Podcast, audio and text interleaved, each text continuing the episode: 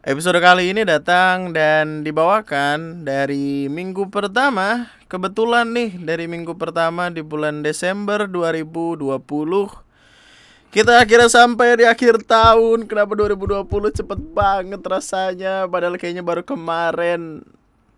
Ali ulang tahun. Eh, jadi gue di episode kali ini bakal ngelanjutin eh, ngebacain cerita pendengar kayak kemarin. Di belakang gue ada Ali dan Cici. Cici. Lu. Dia, dia mau naik ke lu. Tuh Tahu. setiap setiap kali gue ngomong man Setiap kali gue record tuh dia pasti ke gue. Dia sadar gitu kayaknya kalau Lu lu pengen lu pengen terkenal ya? Lu pengen ada di kamera ya? Nih tuh. Itu lu tuh. Itu. Nih titit nih Eh lu cewek ya gue lupa.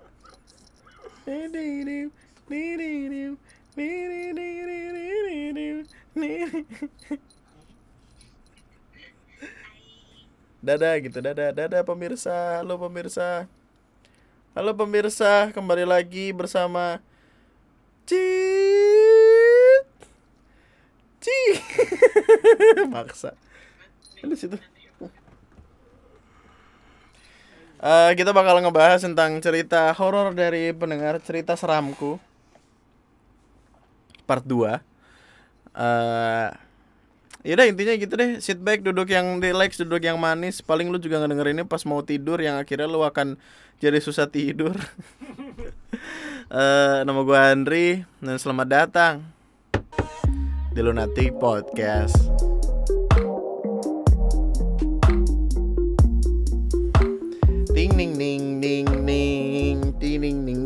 Eh susu murni nasional masih ada gak sih? Hmm?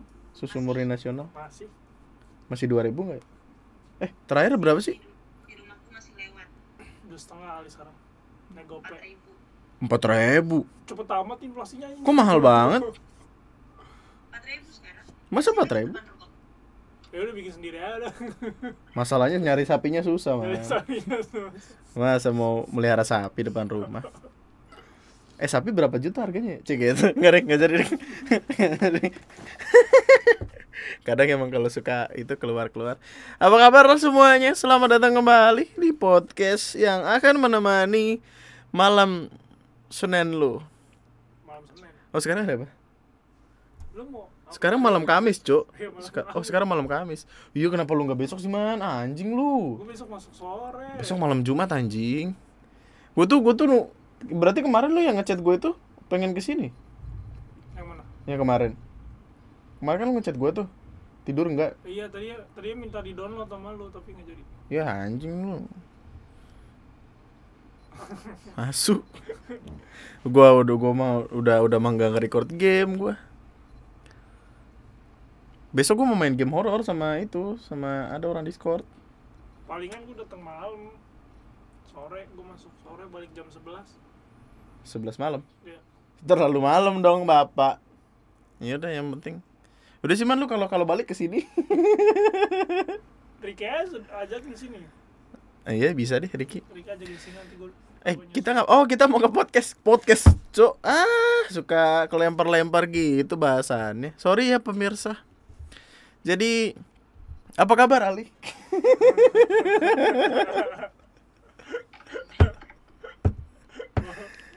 Sumpah ini ini kan eh, kan gua ngebacain cerita horor waktu itu hari hari apa sih yang? Hari Minggu ya? Malam Senin ya? Iya gak sih? Malam Senin kan? Terus Senin malamnya yang yang aku yang aku bilang ke kamu kayak nggak nggak berani ngapa-ngapain nggak berani ke mana-mana. Itu tuh di sini hawanya berat banget cuy.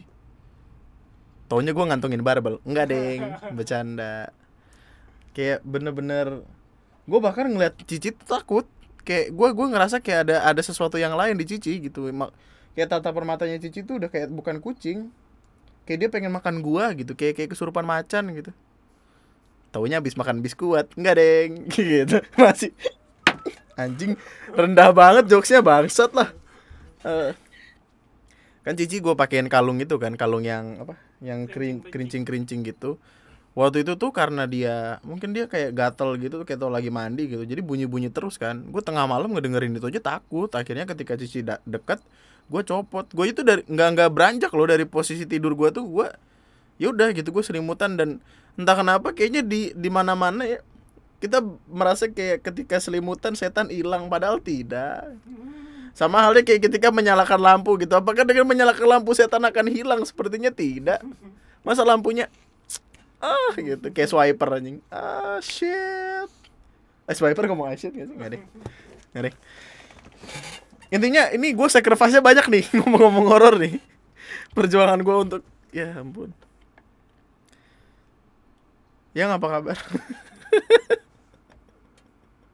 Gue mau mulai tapi ragu-ragu gitu loh. Oke. Eh, cerita pertama.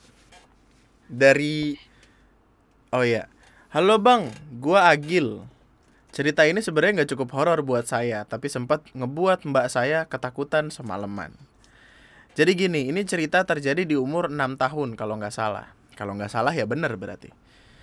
Awalnya pas sore gitu saya main bola di dalam area teras gitu. Kayak anak kecil gabut pada umumnya lah. Waktu itu nggak sengaja tuh bolanya mantul dari dinding terus keluar ke area parkir rumah makan. Jadi rumah saya sebelahan sama rumah makan. Sebelah rumah makan ini ada bangunan yang biasanya dipakai untuk naruh kayu gitu. Tapi jarang didatengin orang. Pas bola ini diambil, saya berhenti sejenak kayak bersihin bola gitu soalnya mau main soalnya mau mainan lagi di teras. Pas itu juga ada suara ketawa yang cukup keras.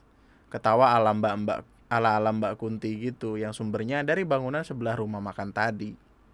Seketika bingung dan panik dong dan akhirnya balik masuk rumah. Malamnya mbak saya nugas di teras rumah makan gitu. Sesekali mbak saya kayak mikir sambil ngeliatin sekelilingnya gitu. Pas mbak saya ngeliat bangunan sebelah rumah makan, ada putih-putih melayang kayak keluar dari bangunan rumah gitu sambil noleh ke mbak saya. Seketika mbak teriak kenceng banget, kalau nggak salah nangis juga ketakutan gitu, langsung masuk rumah, terus cerita tuh si mbak dan membuat satu rumah ketakutan dan nggak ada yang keluar rumah malam itu. Udah gitu doang bang. Eh, sehat terus bang. Terima kasih sudah membaca ini. Terima kasih sudah mengirimkan cerita ini. Lu pernah ditampakin yang bener-bener gitu gak sih, Man? belum Gue juga belum sih. belum Tapi takut nggak kira-kira? pasti takut kalau gue jujur sih gue pasti takut pasti kaget soalnya kan belum terbiasa juga Ya, siapa yang terbiasa ngeliat setan, Cok? ya itu lah Siapa? Indiom Oh. Indiom biasanya kalau lagi hujan nggak bisa berarti ngeliat.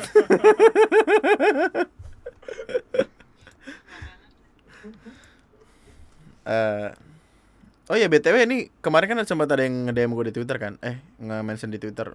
Bang ini kok kayak sempat denger ya ceritanya. Ini ceritanya sebenarnya waktu itu waktu lagi live dengerin di rumah yang gua awal-awal Maret nemenin di YouTube. Ini udah gue bacain gitu. Gue baru sadar juga kemarin waktu waktu kelar ngedit gitu kan. Terus ya udah kita bacakan saja karena kebanyakan orang di podcast kan ya nggak ada kayak ada mostly 70 persenannya itu di podcast aja gitu nggak ke YouTube. Kita bacakan ulang. Eh, judulnya Orang Hitam di Depan Jalan. Namaku Vian. Ceritaku ini berawal dari sekitar dua bulanan. Saat aku mengajak pacarku yang namanya Anissa makan dan nongkrong di Parjo, Semarang. Parjo ini kayak warung burjo.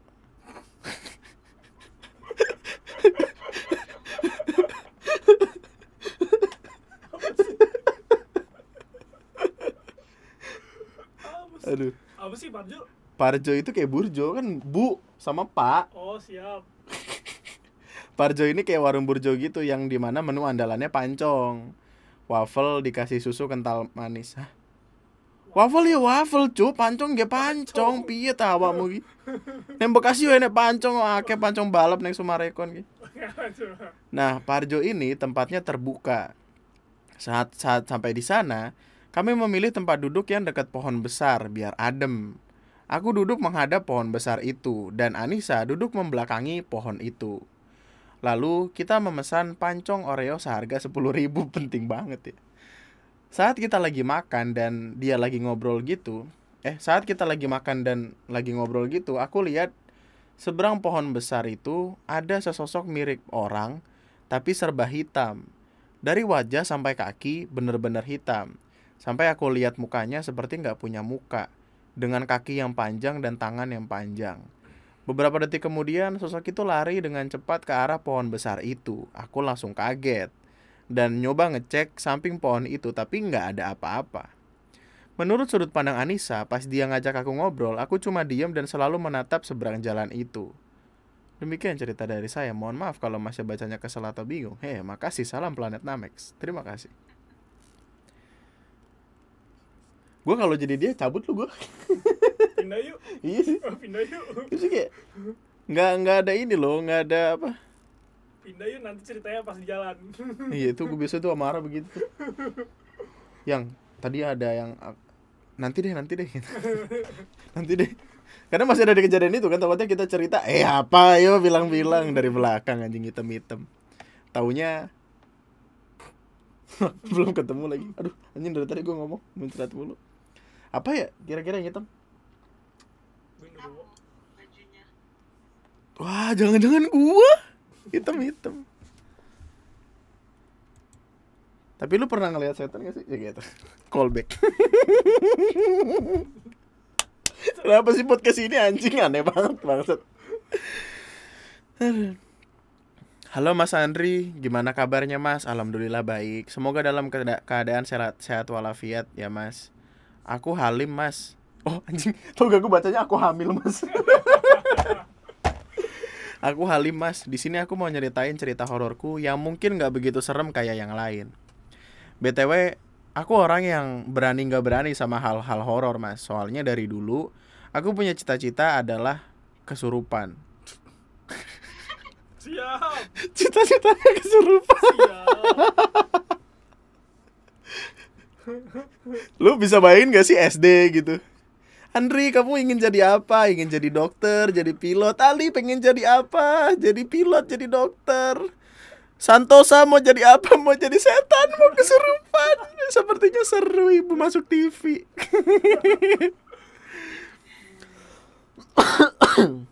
gue kira gue kira cita-cita jadi youtuber itu udah aneh tuh. Ternyata ada lebih aneh lagi tapi nggak apa-apa. Cita-cita bro cita-cita nggak boleh di- diganggu gugat oleh orang lain nggak apa-apa pertahankan. Bahkan dulu pas kemah apa pas kemah SMA aku ngelakuin semua larangan yang gak dibolehin. Yang yang yang nggak boleh dilakuin di tempat kemah itu dari nunjuk-nunjuk tempat gelap ketawa keras sampai ngelamun sama ngosongin pikiran mas. Malah mirip orang bego mas.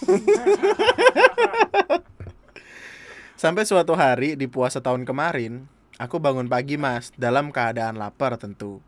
Karena aku ngelewatin sahur. Akhirnya di dalam keadaan setengah sadar itu, aku langsung ke kamar mandi buat buang air kecil. Sampai di depan kamar mandi, di luar kamar mandi itu aku ada gantungan atau tirai buat bungkus lemari piring. Tirai buat lem- bungkus lemari piring. Oh enggak. Jadi kayak jadi kayak ada rak tapi ditutupin sama tirai. oh iya, iya. Oh oke oke. Oh jadi kayak kayak apa lemari yang udah rusak pintunya terus dijadiin itu terus dikasih tirai gitu. Ya gitulah. Kenapa jadi lemari goblok?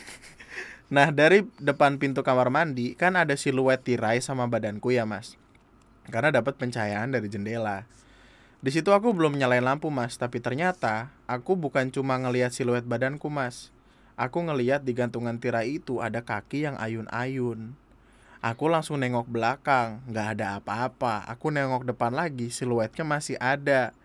Dan akhirnya aku nyalain lampu dan aku hidupin buat ngecek ada ada apa, ada apa enggak. Ternyata udah nggak ada mas. Hehe. Akhirnya aku lanjut pipis mas, cuman aku banterin karena takut. Banterin itu dicepetin ya. Itu mas cerita hororku yang gak seberapa. Semoga lain kali lebih berbobot. Makasih mas. Orang mah nggak berharap ketemu pengalaman horor Dan dia tuh dia tuh seolah-olah kayak sadar kalau ceritanya tidak berbobot. Ih, Siapa yang punya cita-cita kesurupan, cok? Masa aneh gitu. Tapi ya pertahankan. Semoga nantinya di masa depan nanti kamu pasti akan ketemu dengan setan-setan yang berpendidikan yang baik lah gitu, yang baik, yang berpendidikan. Iya, yang dengan rela dengan senang hati memasuki dirimu. Kadang kadang kita tuh tidak dipilih, kita tuh memilih. Apa sih? Kita tidak memilih, kita dipilih. Anjing aneh. Cerita serem dalam kurung asli serem gak bohong. Eh, asik. Henry, kenalin gue Sarifah. Umur gue titik titik titik. Intinya kita seumuran. Oke Sarifah. Gue mau cerita sedikit tentang cerita serem yang kurang lebih gue alamin beberapa bulan ketika gue pindahan ke Jak eh pindah ke Jakarta untuk kuliah. Which means sekitar akhir 2015 atau 2016. Sorry nih panjang soalnya ada yang harus detail biar paham. Ceritanya, waktu itu anaknya tante gua baru pindah ke rumah karena rumahnya direnovasi besar-besaran, yang lokasinya di depan rumah. Dia pindah setelah gua udah di sana beberapa bulan. Gue numpang sama tante gua di Depok. Beberapa minggu setelah dia pindah, hawanya emang gak enak. Sebenarnya gangguan dari mereka udah gua alamin waktu pertama gua di sana.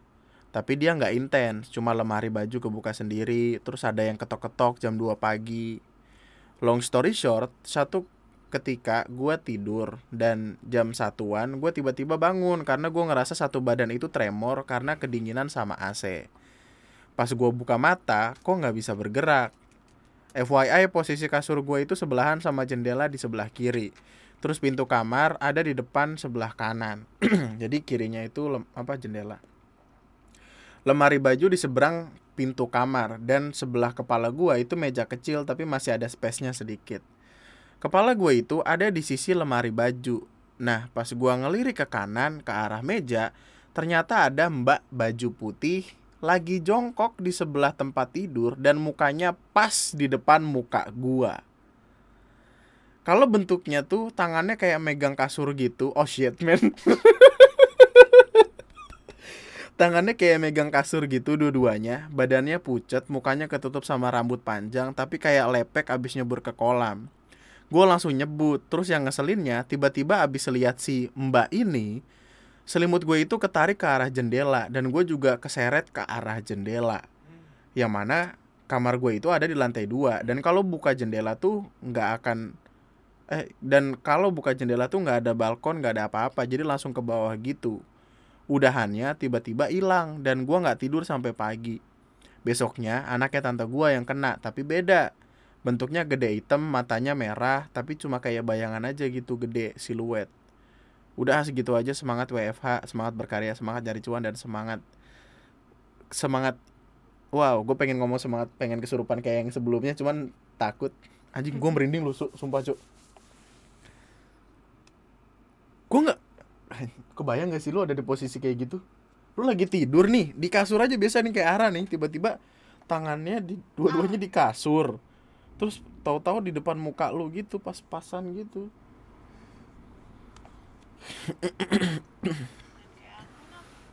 Gue kayaknya pernah deh. Apa namanya? Tapi yang gue gue cerita gue sering ini apa namanya? Reprepan. Uh, rap-rapan kayak gue pernah kayak gitu deh.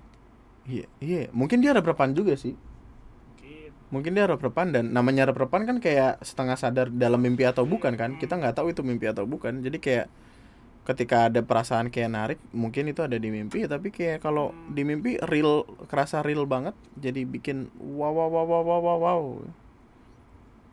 pernah nggak sih lu berusaha ngelawan diri lu waktu lagi reprepan pernah. Akhirnya?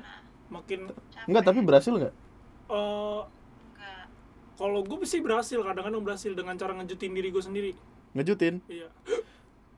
Gaji lu 5 juta sebulan. gaji gua 5 juta sebulan. Kagak. Ngejutin diri sendiri. Kalau di kalau soalnya kalau dipaksa perlahan kayak mm, lu lama-lama malah berak. makin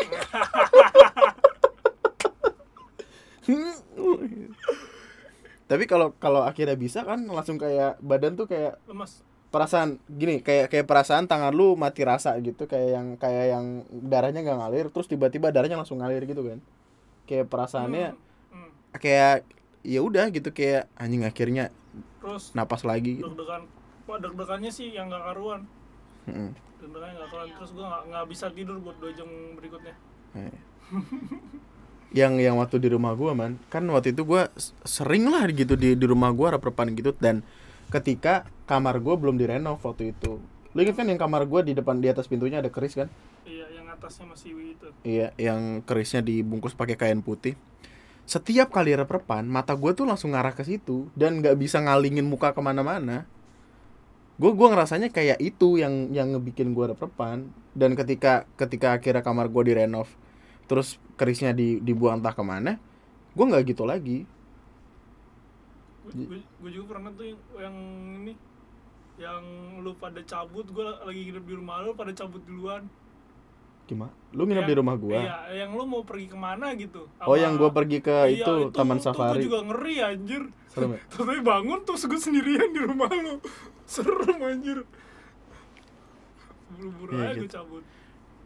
Tapi rep-repan itu, gue gue sempat baca ada di artikel katanya, ketika kita berhasil melawan rep-repan, kita akan memperlancar aliran darah. Men, hubungannya di mana gue nggak paham, tapi ya mungkin benar. gitu. Soalnya ada yang ada juga yang sempat bilang kayak teori-teori, ya teori-teori katakanlah YouTube lah gitu, yang yang gue juga nggak tahu mereka dapat info dari mana. Tapi ketika kita berhasil ngelawan rep-repan, katanya kita bisa astral projection nyawa kita terbang wah masuk ke rumah orang ngintipin dia lagi tidur Ih, tidurnya nggak pakai baju gitu. Har- harusnya tadi nggak pakai celana aduh namanya fuck. Yuk lanjut. Cerita seramku. Sebenarnya gue nggak pengen eh sebenarnya gue nggak pernah ngalamin hal seram sih bang. Atau pernah tapi gue lupa kali ya. Tapi ini gue mau ngirim cerita ngirim cerita mak gue aja bang. Kata mak sih peng- pengalaman serem tapi tahu deh jadi itu waktu adik gue umur baru sekitar 13 bulanan lah ya dia lagi tidur siang. Nah kata mak gue tuh waktu di dapur dia ngalamin gangguan bang. Kenapa? Sinyalnya hilang apa gimana? Emak gue lagi ngandung oh emak gue lagi ngandung. Apa sih? Emak gue lagi ngandung lagi itu tapi lupa berapa bulan. Nyokapnya lagi hamil tapi nggak tahu berapa bulan. Pertama tuh ada feel feel nggak enak pas lagi nyiangin bumbu masak. Beberapa menit setelah nyiangin bumbu masak mulai dah tuh kecium bau bau sangit nyelekit kata emak gue nah pas selang beberapa menit lagi adik gue tiba-tiba bangun nangis kejer. Langsung deh emak gue ke kamar ad- ke kamar adik gue buat nenangin. Nah udah coba nenangin kok nggak tenang tenang ini anak bang? kata emak gue malah makin kejer dan bau sangit itu makin nyelekit emak gue berinisiatif lah coba baca-baca doa bang yang katanya bisa ngusir hal-hal yang seperti itu nah setelah baca beberapa doa kata emak gue langsung dah adek gue tenang dan bau-bau kayak gitu langsung hilang bang BTW thank you bang udah ngizinin sedikit cerita Oh ya nak lupa nama gue Fadli bang Biasa dipanggil HG atau botak Di fotonya nggak botak Ya I don't know Lu pernah dengar cerita kalau anak kecil itu sering diganggu gak sih? Eh, gue pernah ngalamin. Ngalamin gue malah. Ponakan lu? Iya, gue lagi lagi tidur sama ponakan dia sama nyokapnya Ah, pas gue masih SD. Nah, eh, ponakan gue nih bangun malam-malam. Terus dia kayak nunjukin nun- nunjuk-nunjuk ke atas sambil nangis, nangisnya kejer. ah, Nah di situ kan gue masih SD, gue belum terlalu ngerti kan. ah. Nah pas dia bangun terus dia nunjuk-nunjuk ke atas, udah aku disuruh disuruh turun kan, udah tidur di bawah aja, udah di bawah. Pas waktu itu gue rumah gue masih di blok DD, ah. Sekarang di blok B. Di blok DD yang ada tingkatnya. Nah tingkatnya itu emang kebetul kebetulan kata orang serem kata yang eh, sebelum-sebelum gua Hmm. sebelum yang kontrak sebelum sebelumnya. Nah kan ditanya tuh paginya kan Hmm. ngeliat apa emang semalam katanya sih monyet Hmm? monyet eh, apa apa namanya pindah-pindah nemplok di atas dia ngeliat gitu kan udah situ doang yang apa kayak gua. Aduh merinding cuk. Gue takutnya itu si Cici dari kemarin ngeliatin ke atas ada Diskon Shopee 12 12 ya. Anak kecil emang sesensitif itu berarti ya? dia masih kayaknya masih setahun setahunan deh setahunan. Iya itu kejadian tahun 2005 2005 dia. Oh, iya bener setahun Soalnya di sebelum eh setahun di udah bisa udah bisa ngomong belum sih? Mana gue tahu emang gue punya anak. Kali. Tapi dia udah bisa ngomong jelas udah tapi. bisa ngomong. Kayak dua tahunan deh. Mungkin mungkin. Soalnya kemarin ada ada yang ngirim cerita gitu juga. Eh, jadi kemarin ceritanya rada rada cukup lucu sih buat gue jadi intinya ada sebuah rumah. Ada eh, cewek istri dari orang yang tinggal di situ kesurupan nah mertuanya kan tinggal di tempat itu juga. Mertuanya kesurupan juga. Bedanya istrinya ini kesurupan kuntilanak depan gang. Mertuanya kesurupan penjaga dari leluhur leluhurnya leluhurnya gitu. Oh Jadi kayak leluhurnya siapa? Leluhurnya neneknya Oh. mertuanya. Jadi kayak mertuanya ini karena kesurupan leluhurnya diomelin tuh. Setan-setan yang surupan di Ceramah. bingung gua silsilanya intinya ceramah terus setannya keluar. Nah leluhurnya ini masih ceramah nih ke anak-anak dari ininya. Eh, rajin ngaji rajin sholat istri kamu digangguin sama kuntilanak depan gang gitu gitulah itu serem sih. Tapi kayaknya enakan punya penjaga sih. Meskipun ya kadang kita nggak tahu apa yang harus dibayar untuk dijagain itu. Enggak sih. Palingan mah kalau kata gue sih pem- pemberian dari eh, orang-orang tua orang tua kita lagi orang tua kita lagi gitu. soalnya kan gua dikasih penjaga sama bokap kan waktu itu dan yang ngurusin makanannya itu bokap. Makanya yang kayak sering nyuci keris malam satu suro mandiin keris. Gitu gitu pakai kembang. Desa lagi kembangnya. Kembang desa. Tapi bener sih kayaknya kalau misalkan punya anak tuh dijagain banget gitu. Takutnya ntar yang kayak gini kayak gini kejadian. Ngilu cuy. Cerita seremku Eh, halo man gue Ida. Biasa dipanggil Laila sama teman-teman gue hah perasaan jauh. Jadi gue pernah tidur dengan rambut diatasin biar nggak kejepit kepala dan bantal pas tidur. I can relate gue paham. Gitu iya anjing. FYI rambut gua nggak panjang-panjang amat cuma sebahu. Yang kalau dikuncir kayak ekor tikus gitu. Nah FYI berikutnya gua kalau tidur pelor abis. Orang bilang kayak mayat. Gue cuman sadar atau ngerasain sesuatu kalau ada suara kenceng. Satu kalau ada suara kenceng, sentuhan di tangan atau bahu, atau suara alarm HP yang biasa gua dengar. Even suara WhatsApp atau telepon sering gagal bikin gua bangun atau sadar. Nah pernah suatu malam gua ngerasa ada yang ngelus-ngelus rambut gua. Padahal gua nggak mimpi, itu ngebikin gua sadar. Tapi gua tetep tuh, tetap tutup mata dan gua kayak singkirin gitu dengan singkirin it, gitu dengan elus ngasal rambut gua terus bilang jangan. Gue lanjut tidur tapi besoknya gua kepikiran mulu dan rada takut. Menurut lo ini serem gak sih? Kalau enggak ya udin gak masalah yang penting lo bacain aja cerita gue salam kenal ya. Serem sih. Well, karena dia merem dia nggak tahu ya kalau itu setan atau bukan ya. Siapa tahu temennya gitu atau stalker gitu anjing serem juga sih. Jadi intinya ada yang berusaha ngelus rambut dia, terus dia kayak yang ngelus asal rambutnya sendiri sambil bilang kayak jangan. rep-rep kayaknya man Rep-repan nggak bisa gerak man. Jangan bisa ngelus tangan, eh ngelus tangan ngelus palanya. Oh, apa jangan-jangan yang dia elus pala yang Wow, serem juga. Anjing. Jatuhnya kayak ngomelin sih. Oh, jangan. Kepala setannya dipegang sambil jangan. Serem sih itu. Anjing rambut gue panjang lagi, fuck. Thank you Ida BTW. Laila. Halo bang, kenalin nama gue Nazmi Sultoni. Gue mau ceritain pengalaman seram atau horor gue. Jadi gini bang, ceritanya pas gua kelas 6 mau menjelang UN, tiap minggu tuh ada acara yang namanya kelas malam. Nah kelas malam ini kita nginep di sekolahan isinya tuh kayak ngerjain soal-soal UN, motivasi sama ngelatih kekompakan angkatan.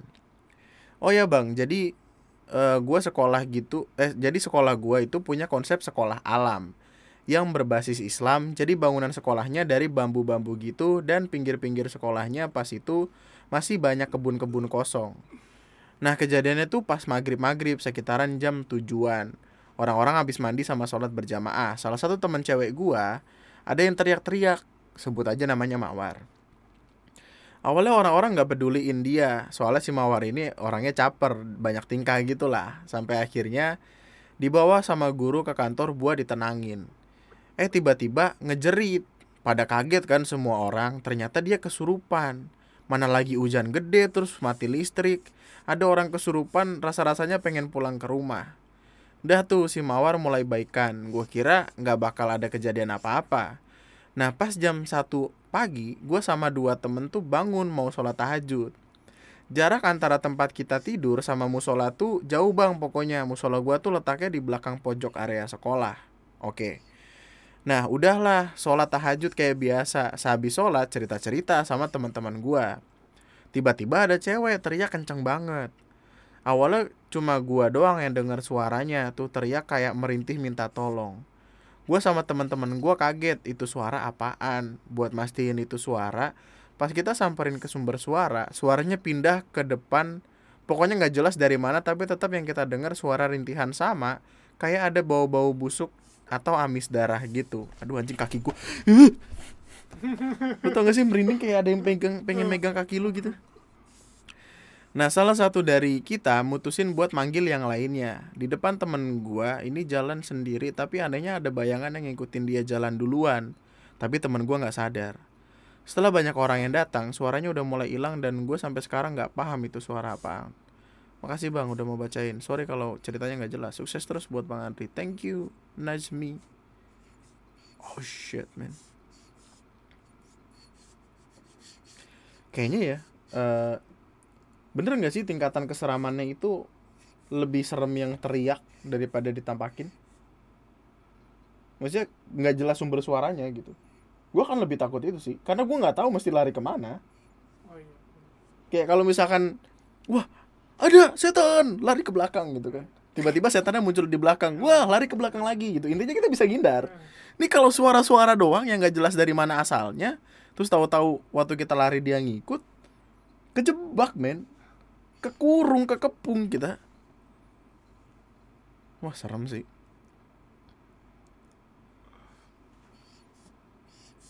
Si- kayak gitu gue belum pernah denger masa si ini lu inget gak Eh, saudara gua yang rumahnya di itu. Saudara gua deh jangan ini ntar lagi di podcast. Suara saudara gua deh inget gak hmm. yang deket rumah lu. Dia cerita sempat dengar suara teriakan. Katanya dari kamar mandi. Jadi kan kamar mandi eh, kamar mandi keluar ini kamar kamar kakaknya ini kamar kamar dia terus ruang tamu. Hmm. dia dengar suara teriakan dari kamar mandi dia dengar di kamarnya. Dia keluar keluar pintu waktu mau ke ruang tamu baru mau ngelangkah kan ruang tamunya kayak kebuka gitu kan. Hmm. Yang artinya dengan dia ngelangkah ke kanan langsung bisa ke ruang tamu iya. Tiba-tiba suaranya dari ruang tamu. Dia balik ke kamar. Balik ke kamar waktu mau nutup pintu suaranya dari kamar. Mampus gak lu anjing. Mau. Itu gue dicerita sama dicerita nama dia gue jadi jarang loh ke rumah dia nanti waktu itu. Ini lu. Gue belum pernah masa eh Kayak jangan dong. Iya. Belum pernah tuh artinya kayak kayak ada perasaan penasaran pengen. Iya Iya. jujur mah ada man. Tapi kalau digituin mah udah pasti takut iya aja nyilu anjing. Kayak di kan dulu zaman zaman puasa kan kita sering main petasan kan. Lu tau gak sih yang yang jalan perumahan lewat belakang lewat blok G? Kan kan kan Oh, tikungan iya. gitu kan. Hmm. nah di sebelum tikungan itu kan kayak ada jalan masuk gang lagi kan. Hmm. di situ tuh biasanya kalau anak-anak dulu anak-anak komplek gua itu kalau cici! Kenapa? Tuh man dia ngeliatin gua begitu man. Apa enggak dia gluduk anjir. Tetap dia ngeliatin gua begitu itu gluduk itu dinamo gluduk dia takut sama geluduk yang bikin gua takut. Aku tahu gluduk itu. Melotot gitu loh kayak. Anjing. persis man kemarin kayak gitu man. Mau kucing juga kalau dipelototin sama kucing nyilu anjing. Jadi main petasan sama anak-anak komplek gua pohon-pohonnya pohon-pohon rengas gitu loh tinggi gede gitu kan. Hmm. tiba-tiba ada suara dari pohon rengas lari ke depan. Terus katanya ada yang ngeliat eh bego jangan ke situ. Setannya ke sini. Lari ke belakang anjing lucu banget. Lawak banget banget soalnya kan dulu masih gelap kan. Jadi gua nggak tahu entah dia beneran bisa ngeliat setan atau dia bikin panik doang. Jadi intinya dia bilang kayak eh tadi gua ngeliat dia lari ke situ jangan ke situ ke belakang aja tapi kan asal dari belakang tadi enggak udah belakang aja. Terus kayak, lari larinya juga yang sendal taruh tangan tuh. Ngenos aja ngenos. Hmm. tuh. Melotot kan dia? Iya gluduk itu suara gluduk kan. Eh, tanpa subjek. Oke. BTW jangan sebut nama aku ya kak. Iya. Hai kak aku mau cerita serem nih. Menurutku sih serem Tapi entah kalau menurut orang lain Aku kan punya pacar kak Dia punya indera keenam Dan first time aku pacaran sama orang yang punya indera keenam gitu Awalnya aku takut Tapi ya udahlah aku jalanin aja Aku sama dia kuliah Aku ngekos Dia enggak Waktu itu posisinya aku mau pulang ke rumah karena besoknya libur. Dia mau nganterin aku pulang. Tentu gak senang hati dong aku terima tawaran dia. WK, WK. Oh ketawa, WK, WK. Jadi serius banget gue. Dan pertama kali juga dia nganterin aku pulang. Dan dia tahu rumahku di mana. Dia mampir sebentar dan langsung pulang. Waktu malamnya aku chatting sama dia dan aku tanya nemu apa aja di jalanan karena penasaran dia bilang katanya jalanan menuju rumah aku itu banyak hantunya dan di depan jendela kamarku itu juga ada tapi katanya nggak jahil kok. Paginya aku chattingan sama dia. Katanya dia nggak enak badan. Terus dia cerita sekitar jam 3 pagi dia bangun dan dengar ada yang jalan diseret gitu di depan jendela kamarnya. Dia lihat ternyata nggak ada apa-apa di, di luar jendela tuh. Dia mulai pejamin matanya dan buka mata ternyata ada di depan matanya. Oke. Singkat cerita, aku lagi chat sama dia. Ada satu kata yang aneh buatku. Isi isi chatnya tuh temani aku sampai mati. Padahal kita lagi nggak bahas masalah itu, tapi dia bilang gitu.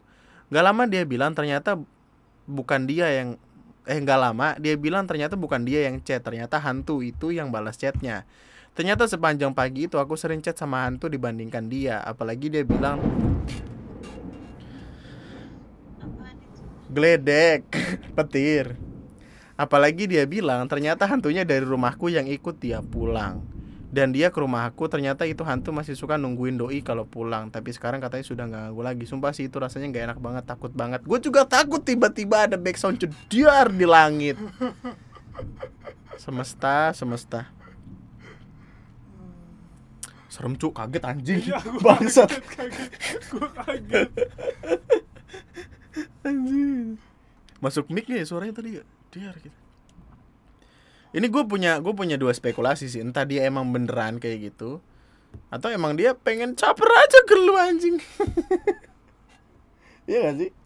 Maksudnya tipikal-tipikal cowok yang yang yang Tapi masa cetan sama ya makanya orang juga paling kalau kesurupan minta kopi, minta mawar, minta melati, minta rokok, Oh, ini apa? Ini ini Minta. apa? minta buka WhatsApp. Wah. Ini ini benda apa? Cet, cet, cet, cet. Aku sayang kamu. cet, cet, cet. Nggak ada goblok. ini benda apa? Tapi ya mungkin beneran kita nggak tahu juga gitu. Kalau cara dia mendekati wanita adalah dengan bilang dia indigo dan mempermainkan seolah-olah setan-setan kayak gitu aneh. Hmm. Dengan dengan kayak misalkan itu gue gue bakal mikir kalau si orang ini drama banget kalau misalkan gue pacaran sama cewek terus ceweknya bilang kayak aku bisa ngeliat setan loh aku bisa kesurupan. Terus dia ngechat "Eh, temani aku sam eh temani aku mati. Ya, apa lu anjing? Blok. Taunya kesurupan bener Pusing malah. minta rokok. Samsu Samsu. Tiga lagi langsung. Maksud tiga anjing. Bibir panas Eh, karma buang sampah sembarangan. Selamat sore De Andri. Panggil De nggak apa-apa ya Soalnya aku emang lebih tua dan sosok akrab gitu. Hehe Iya kakak? Perkenalkan namaku Nur Fadilah. Aku mau berbagi salah satu cerita seramku Yang terjadi semasa aku MTS MTS ku ini terletak di dekat bahkan hampir dikelilingi oleh komplek kuburan paling besar di kotaku. Waktu itu, aku kelas 2 MTS dan di sekolahku setiap habis Idul Fitri selalu ada acara masak-masak dan makan bersama di sekolah. Nah, kebetulan aku kebagian buang sampah. Karena kelasku berada di lantai 2 dan akunya juga males, aku lempar aja itu kresek isi sampah ke kuburan. Dan aku pikir tidak akan terjadi apa pun. Bagus sekali ide yang Anda lakukan. Sampai kemudian hal-hal aneh mulai terjadi. Setiap aku jalan di koridor lantai 2 sekolahku, dari arah belakang terdengar suara seperti kresek diseret. Tapi pas nengok selalu nggak ada apa pun. Pernah juga lagi pelajaran di kelas, tiba-tiba kursi yang aku duduki diguncang cukup keras. Spontan aku menyalahkan teman belakangku dan dia bilang sama sekali nggak nyentuh kursiku. Semua kejadian itu akhirnya menemui puncaknya juga suatu hari ketika subuh Aku masih belum bangun, masih berbaring males-malesan di atas kasur Sampai kemudian mataku menatap ke arah cermin yang mantulin arah pintu Dan dari cermin itu aku lihat ada kayak putih-putih Aku pikir itu hanya kain atau mau kena ibuku Tapi pas aku lihat ke arah pintu Putih-putih itu membalikan badan dan aku lihat pocong berdiri natap tajam dengan mata merah dan wajah hijau busuknya ke arahku. Saking takutnya aku bahkan gak bisa teriak dan bergerak. pocong itu cuma muncul sebentar sih tapi sampai sekarang masih tergambar jelas dan aku nggak mau tidur di kamar itu lagi karena memang di kamar itu nggak hanya 3 sampai empat kali aku diganggu. Aku cerita pada ibu- ibuku tentang pocong itu sampai akhirnya dipanggilin saudara yang bisa ngusir. Dan katanya si pocong emang marah karena aku buang sampah sembarangan. Sekian cerita dariku. Terima kasih sukses terus Andri. Ya menurut lu aja bro. Gila sama aja kayak kayak gini kayak lu lagi jalan anak SD lu getak palanya kayak lu lu gatak apa sih lu lu tampol gitu palanya cetak gitu. Kalau emaknya kagak marah beruntung banget lu goblok. Eh, kakak maaf ya kakak. Sorry lupa gue kadang suka lupa diri. Waktu itu waktu itu ada cerita itu kan. Kayaknya gue sempat baca email terus gue ceritain ke lu deh man. Apa? Yang dia ada orang pergi ke pergi jalan-jalan gitu terus waktu ada kuburan nggak sengaja ketendang. Terus saya kira sampai sampai sekian tahun tetap dihantuin gitu. Cuma karena dia nggak tahu itu kuburan dia nggak ngerasa ada yang salah gitu. Jadi kayak dia main lewat aja gitu. Nah mungkin ya si pocongnya tersinggung. Tersinggung tanpa sepengetahuan orang yang nendang. Akhirnya diikutin terus gitu loh. Sampai akhirnya di dibawa ke orang pinter jadi Iron Man. Wah Tony Stark soalnya orang pinternya. Enggak ding. Sorry ya. Jadi dibawa ke orang pinter terus akhirnya di di ditanya dan dijelasin detail tanggal segini jam segini bla bla bla bla. Gue juga nggak paham sih. Akhirnya dibawa terus minta maaf nyebar nyebar apa? Apa sih namanya? Bunga sama dikasih air air kembang gitu. Terus udah masalahnya selesai. Jadi intinya ya lu kalau nggak pengen nggak pengen dapat masalah jangan cari masalah dari lantai dua sampah. Puh, ke kuburan main orang udah meninggal lagi menikmati masa-masa di surga. Eh, apa nih? Sampah anjing ya. Uh apa nih? Siapa ya yang nggak ada yang lagi bikin masalah ya di YouTube ya? Kalau bisa jadi itu tuh bagus. Nggak ada yang bercanda. Cerita seramku. Anjing udah 44 menit cuy lanjutnya satu jam ya ini kejadian awal tahun kemarin saat lagi praktek di rumah sakit. Waktu itu dapat shift siang. Sekitar jam 5 atau setengah 6 ada orang dua eh ada hah? ada orang gimana sih? Ada orang-orang ada ada dua orang. Dia nulisnya orang dua orang nanyain kamar.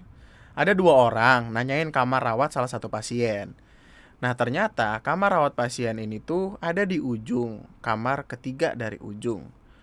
Setelah nganterin dua orang itu ke kamar rawat dan mau balik lagi ke nurse station, baru jalan dikit ada yang manggil nama. Vika, jelas banget suara cewek.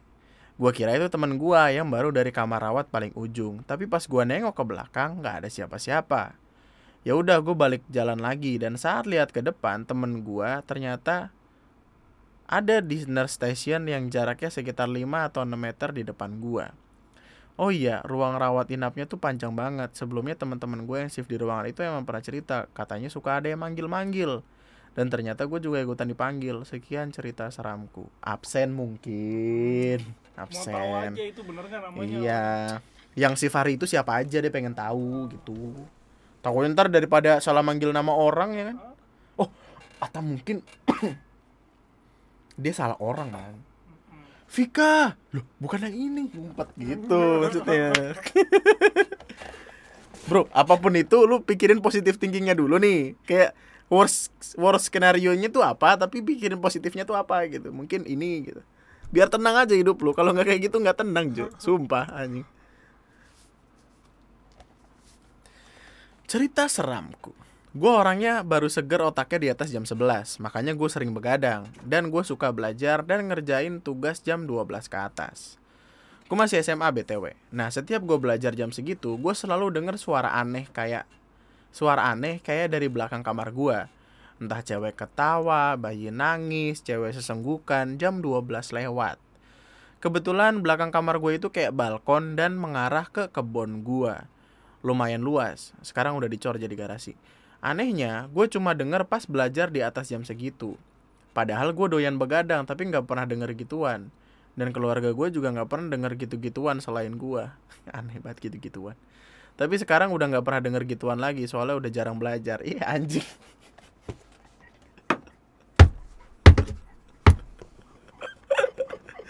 Bangsat bagus banget anjing itu. Eh, kayak kayak gini loh kayak aduh dok setiap kali saya megang perut saya perut saya sakit. Ya jangan dipegang dong perutnya. Oh iya bener. Wah sembuh.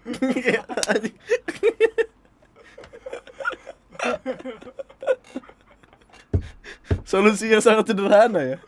Solusinya sangat sederhana. Setiap kali saya begadang di atas jam 12 saya sedang sering mendengar suara-suara. Udah jarang belajar kok. Jangan belajar. Aduh, bagus sih. Siapa pun nama lu bagus, men. Asik, asli. Bang, mau cerita pengalaman seremku di jalan menuju tempat kerja. Jadi dari rumah ke tempat kerja butuh waktu 20 menit, Bang.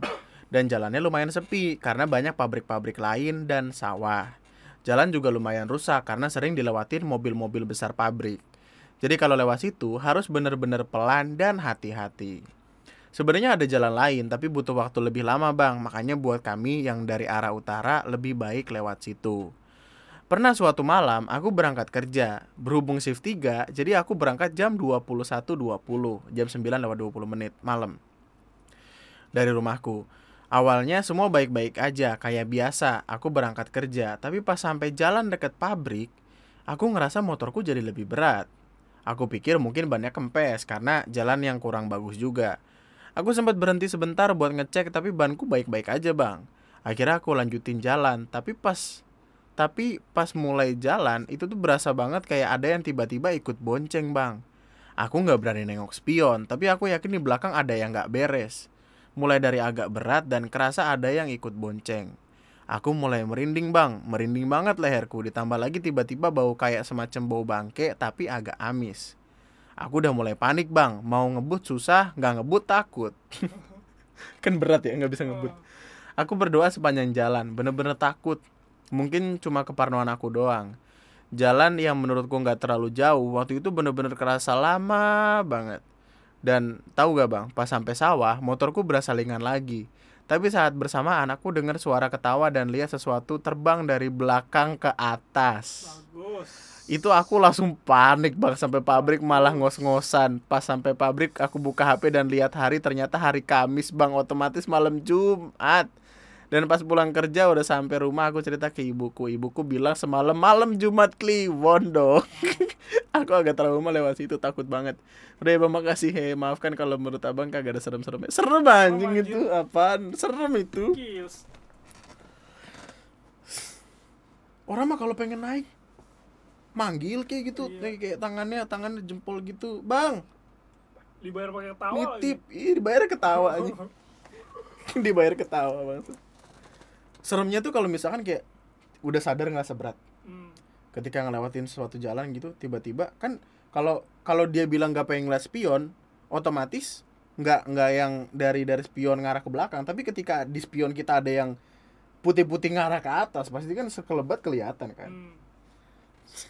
Oh itu oh GG sih itu anjing anjing.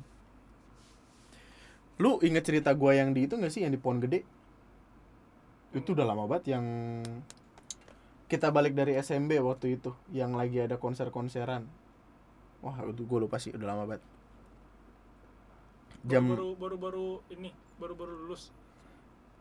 Udah lulus gua lupa deh. Tapi itu gue juga nggak kerja kayaknya. Iya, baru- baru- intinya waktu itu belum ada perumahan. Masih yang pohon gede pohon rengas gede itu kan. Hmm. dan jalannya emang berkelak-kelak gitu. Waktu itu jam 2 pagi jam 2 apa jam 1 gitu kan. Kita anak-anak kan pada brengsek mainnya malam mulu kan. Ini cerita terakhir ya btw Eh, mungkin nanti akan ada itu tapi kita tutup pakai ini. Nah itu tuh itu nggak biasa banget. Maksud gua pun semalam-malamnya pasti akan ada motor atau mobil yang lewat pasti. Gue sering lewat situ gue nggak bukan salah. Mungkin waktu malam itu gue salah dan kosong man. Dari jalan Puri bahkan kosong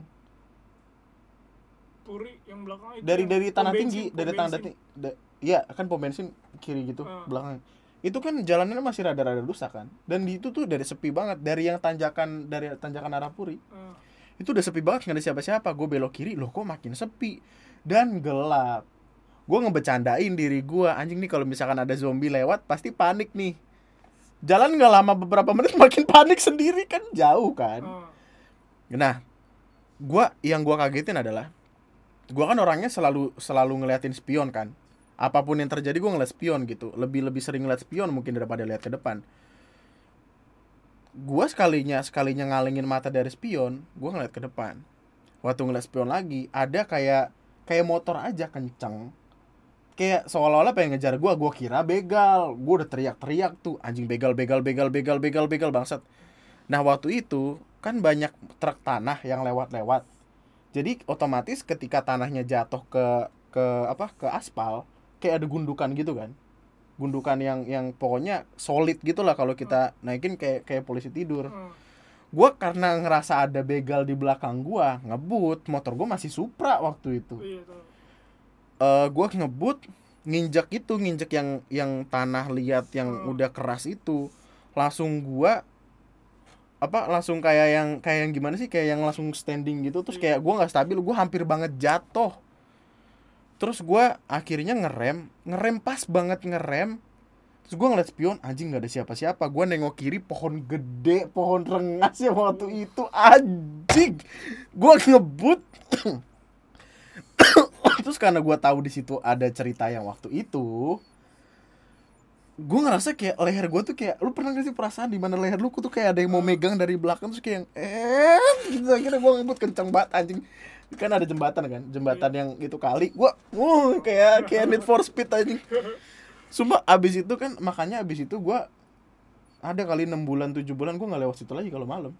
Mending gue muter lewat depan Depan. sekalian daripada lewat belakang. Anjing brengsek batu jalanan. Kons nggak suka deh gue kalau lagi horor horor geledek. Mau nangis. Sedih anjing. Sumpah sedih. Dia mau nangis. Konsep konsep itu loh konsep yang tiba-tiba berhenti di di pinggir pohon itu yang ngebikin gue kayak anjing apakah emang gue disuruh berhenti di sini? gitu. Tapi benar ketika gua ketika gua udah dekat sama jembatan itu baru ada satu orang. Kan gua ngebut banget. Ketika gua ngebut banget waktu udah tinggal masuk belokan ke kanan ada orang dari belakang. Kenapa Iya. kagak dari tadi brengsek? Terus lu giniin ke orang yang mampus lewat situ kayak gua. Lu mampus lu. Mampus lu rasain dah tuh. Aduh anjing anjing. Tapi ya gitulah. Ada cerita-cerita menyenangkan tapi cerita buruk juga lebih banyak. Sedih cu anjing lah. Ah, btw itu aja dulu buat video gua kali ini gitu aja dulu. Eh itu aja dulu buat podcast gua kali ini. Terima kasih yang udah ngedengerin. Thank you Ali udah nemenin. Karena kalau nggak ada Ali tambah gemeteran tidak mungkin dibikin. Pulang gua ke rumah pulang pulang. Iya kalau misalkan gue sendirian terus tiba-tiba ceder gitu gue matiin langsung nih semua anjing. Balik gua. Balik gua. Anjing apa nih? Eh, itu aja buat podcast gue kali ini. Cici lagi tidur soalnya. Subscribe like follow Instagram sosial media segala macam you know what to do lah thank you buat yang udah ngirimin apa ngirimin apa sih namanya yang tadi yang di Spotify kayak list udah didengerin berapa banyak gitu. Gue nggak bisa nge-repost itu satu-satu karena gue orangnya nggak suka spamming di Instagram. Eh, tapi siapa pun yang udah ngedengerin gue thank you banget terima kasih banget udah menjadi udah memberikan waktu udah ngasih eh gua kuping lu buat lu dengerin suaranya buat nemenin lu di malam-malam yang merana dan menyeramkan seperti sekarang. Eh itu aja. Sampai jumpa di podcast gue selanjutnya. Tetaplah bahagia tetaplah baik-baik serem. Baik-baik susah serem begini. Nama gue Andri sekian dan